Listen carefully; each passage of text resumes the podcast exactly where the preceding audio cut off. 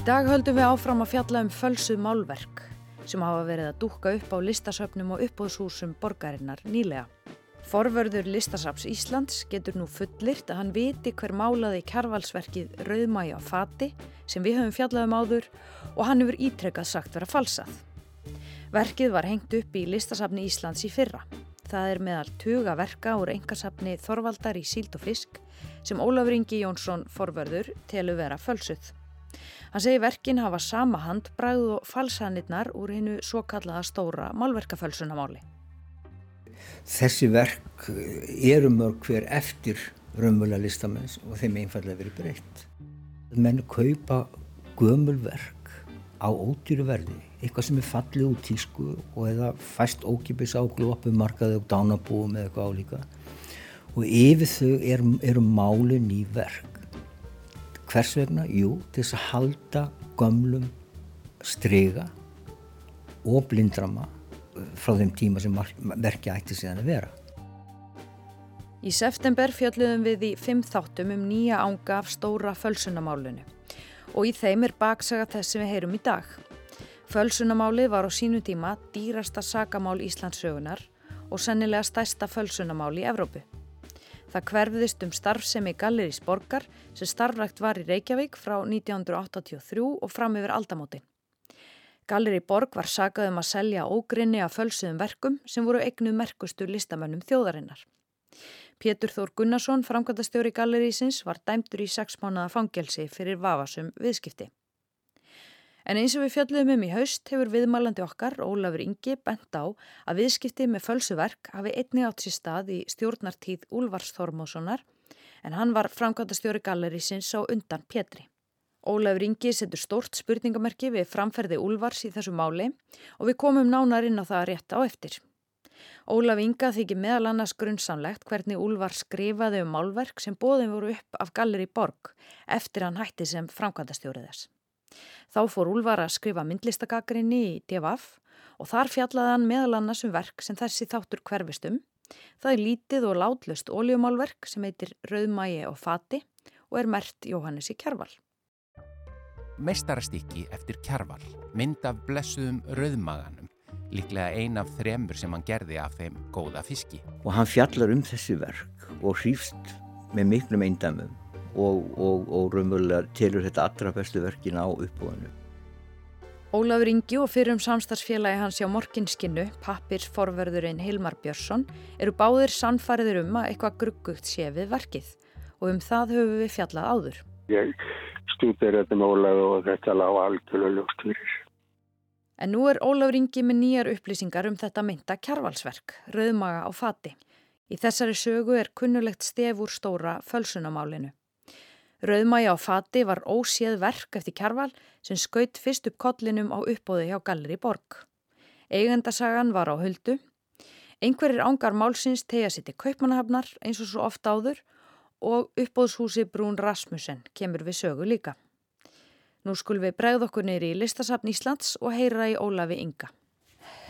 Þetta er þessi myndin hér. Sjá. Næstu. Og svo... Þetta er myndin, kjarvalsverkið, eins og sagt er. Já, já. Og þetta er síðan, maður finna aftur á verkinu, það er svona númer. Númer sem eru tilvísanir í uppbóð og þannig eru tvö uppbóð gefinu upp. Verkið hefur verið selgt semst á uppbóðum áður.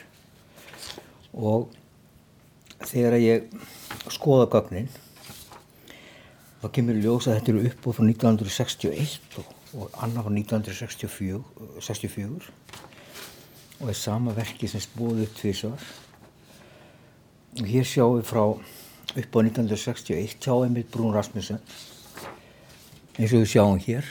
Það stendur skrifað aftan á ramman á verkinu numuri 135 á bara streika yfir það. Já og 62 þar fyrir ofan því það streikað yfir að þeirra kemur síð á setna uppbóðið Og svo ertu hér með svona einhvers konar uppbóðsgrá og uppbóðsgrá og það stendur bara einfallega numur 62 ofaf borg og gefið upp sem stillillin það er uppstilling með fisk, bótfað og signir að ofaf borg og starðinni 41.62 saman og uh, raumaðverkið kemur úr safni Þróta Gunnarssonar. Hvernig fannstu þetta? Nú það er bara þessi göggfæði frá bókasafni í Danmarku og svo setna upp á hann sem er um 166 það er árið 1964 þá sjáum við heitið Og nú erum við komin í aðra síning, eða svona uppbóðskrá. aðra uppbóðskrá, það stendur ofaf borg og steinbítir på ett fað signir að ofaf B 4060 signiringin er ofaf B hér en hinn er ofaf bors og það er bara er tær gerðir af signiringu sem hann notaði. En en þá er bara að ætla það að, að ef er ekki búið að skafa signaringunni burtu þá líkur hann þá undir þessari yfirmálingu sem er undir merkingu kjarvals. Sem fölsuðu merkingu. Því að þetta verk, eins og það hangir hérna uppi, það stendur kjærval á það. já, það stendur kjarval á því. En þannig ummerkin eru þannig að það er yfirmála yfir merkingu Já, þetta er náttúrulega bara eins og það gerist oft að það finn, finnast eitthvað gögg sem að leiðamenn að, að, að því hverjum raunvöli málari er. Þetta er maður sem að er dansku málari og tilurir, hann er fættur fyrir gögnum hann, hann er fættur 1891 og þetta er 1969 og uh, hann var aldrei stórmerkileg málari en ha hafði samt nafn og, og síndi við það uh, hann vann líka við, við gaggrinni á, á myndlist. Og hann deyr 1969, viðskiptin, þessi vafasumu viðskipti uh, í kringum Galleri Borg, þau eru að gera svona á 8. og 9. áratöku. Er það ekki rétt hjá mér? Jú, það er svona nýjunda og tíunda. Sem rýmar þá við kenningar ykkar svona gaggrinnisratta um að þarna hafi verið uh, verk eftir danska höfunda eða aðra lít þekta höfunda sem mert voru íslenskum stórmestrum. Já, það, eru fundin til verk sem hugsaðan gætu þá uh, vera hægt að nota til þess að eigna þeim nýjum höfundum. Og þú óskar eftir þessum gögnum um uppbóðin frá Brún Rasmussen frá dönsku bókasafni, segir þau? Já, þetta eru bara heimildi sem líka á, á, á stofnunum sem að geima slíka, slí, slík prent. Hvað getur þú sagt mér um uppbóðshúsi Brún Rasmussen? Ég, náttúrulega, þetta er náttúrulega risastókt uppbóðshús og er virt uppbóðshús. En uh, þegar að kemur að því að grænslast fyrir um, um eigandasögur, að þá hefur það aldrei gengið. Þeir eru aldrei veitt þessar upplýsingar. Um, þetta er náttúrulega vola sérkynlega afstæða. Og sérstaklega í ljósi þess að í þessu máli voru þeim farð mjög ítalega um vafasama myndir sem hefðu verið seldar hjá þeim og þeir hefðu gerðu aldrei neitt í því að finna út úr þeim staðhæfingu. Hvað getur þú sagt mér um þetta verk hérna? Þetta er eitt af þessum verkum sem rataði alla leið upp á vegg hérna hjá Listasafni Íslands. Já. Já, þetta er bara sagt, fiskur á fati og fati fyllir vel út í myndflötu. Þetta eru, þessi verk eru mörg hver eftir raunmjöla listamenns og þeim einfallega verið breytt. Og þegar að, og þegar að sko máluna tæknin og, og, og litavalið búið saman við verk þessa höfundar, að þá er það í samræmi. Hefur þú skoðað önnur verk eftir þannig? Já, ég hef reynd að finna þau á svona ánetinu og, og það kemur svona heim og saman. En, en verki sjálft er ekki, er ekki, kannski fyrirmyndin er ekki enginandi fyrir þennan mann. En er þetta með einhverjum hætti svipað því sem kjærvalmálaði? Já, það er, já, það vil að segja það, það finnast uppstillingar ymitt á þessum tíma og það, þetta er mjög svona samtíma maður kjærvals. Af því þetta er náttúrulega eitt af þessum verkum sem að Þorvaldur e, í síld og fisk kifti á sínum Já, tíma. já. Veistu á hvaða tímapunkti fólk fór að gruna að þetta verk geti verið eitthvað annað en kjærval?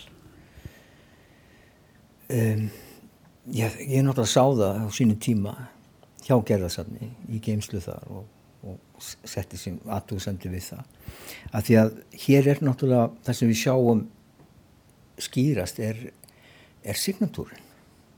Signatúrin er ekki samræmi við verk kjarvals og þá er ég líka að segja á sama tíma að verk sem að finnast með þessum signatúr þau hafa viðmið af þessu hér verki. Það er að segja þess, þegar slíku signatúr finnst á verkum og er vafi um að þá styrkir það þá skoðun enn frekar að við komum til verk sér falsa. Af hvað leiti er þessi signatúr frábriðin öðrum signatúrum kjarvals? Já, hann er bara ekki sumu, það er bara ekki sama, það er ekki sama handbræðið, það er ekki sama öryggið, heldur einhver annar sem líkir á eftir. Heldur þú að, eða hefur þú séð mörg verk með svona svipum grunnsamlegum signatúr eh, kjarvals? Og já, það eru hansi mörg og það er náttúrulega alltaf fyrst og fremst það að öll þessi verk sem eru fölsuð þau hafa ekki þessa sko, persónu kjarfas í handbræðinu. Það er bara, það er, þær eru alveg fárónlegar upp til hópa. Fólk veit alveg hvað það þýðir að, að þjálfa sín eigin skrift. Þetta er margra, margra ára vinna sem þú þróa þín eigin skrift frá barnasku upp úr. Eftirgerðin er svo léleg að, að það er hverjum ljóst þegar hún er bent á það. Þegar að dómsmálinn voru á sínum tíma þá voru kallaðir til rítandarsérfræðingar sem að báru saman um að, að eh, þarna væru falsaðar undirskriftir á ferðum. Jú, það er rétt. Það var, uh, það var hann, hann Haraldur, Ríkisveiklustjóra, hans álut var alltaf þannig að, að rítöndin bæriða með sér að vera ekki eftir, eftir sagðan höfund. Það var alltaf afgerandi. Hver heldur hafi falsað þetta verk? Eða skrifa þetta á, á þetta verk? Já, það er umvöluða kannski ekki aðalmálið.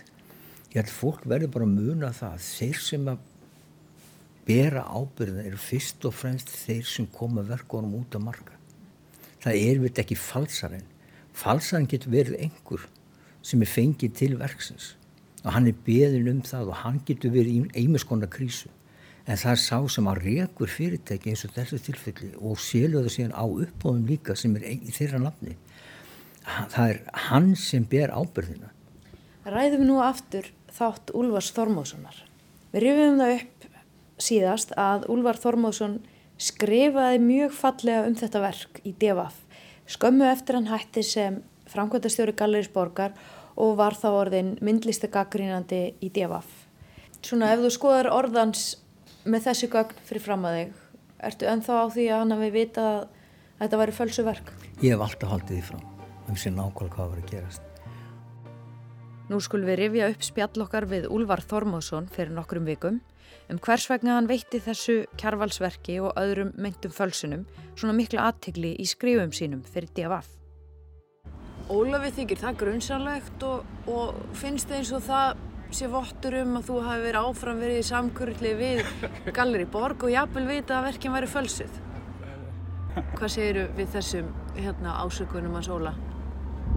Ég segi það sko að löngu áður en þetta stóra málverka pölsunarmál kom til, til þá var Ólafur Ingi kallarnir í morkinskinu hafsteinarnar í, í, í hérna, ráðinitinu nordalarnir á söfnunum. Allt þetta fólk var löngu byrjað þá að nýðast á Galeriborg færa hérna búið til skröksjóðurna og mig.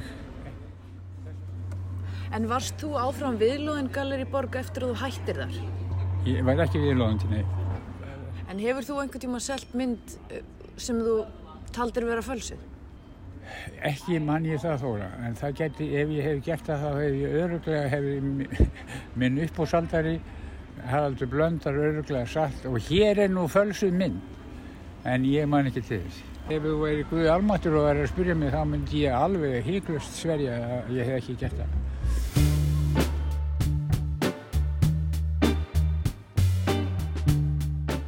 Þetta var helst hjá okkur í dag. Rauðmægi á fati sem er kyrfilega mert Jóhannes í Kjarval gæti verið eftir hinn lítt þekta danska málara Orla Valdimar Borg. Verkið var bóðuð upp hjá Galleri Borg og keift af Þorvaldi í Síld og Fisk sem var eitt stórtækasti listaverkasafnar í þjóðarinnar. Þegar engasafn hans er svo fært til varveislu til listasafns Íslands í fyrra var verkið hengt upp á vegg í safninu.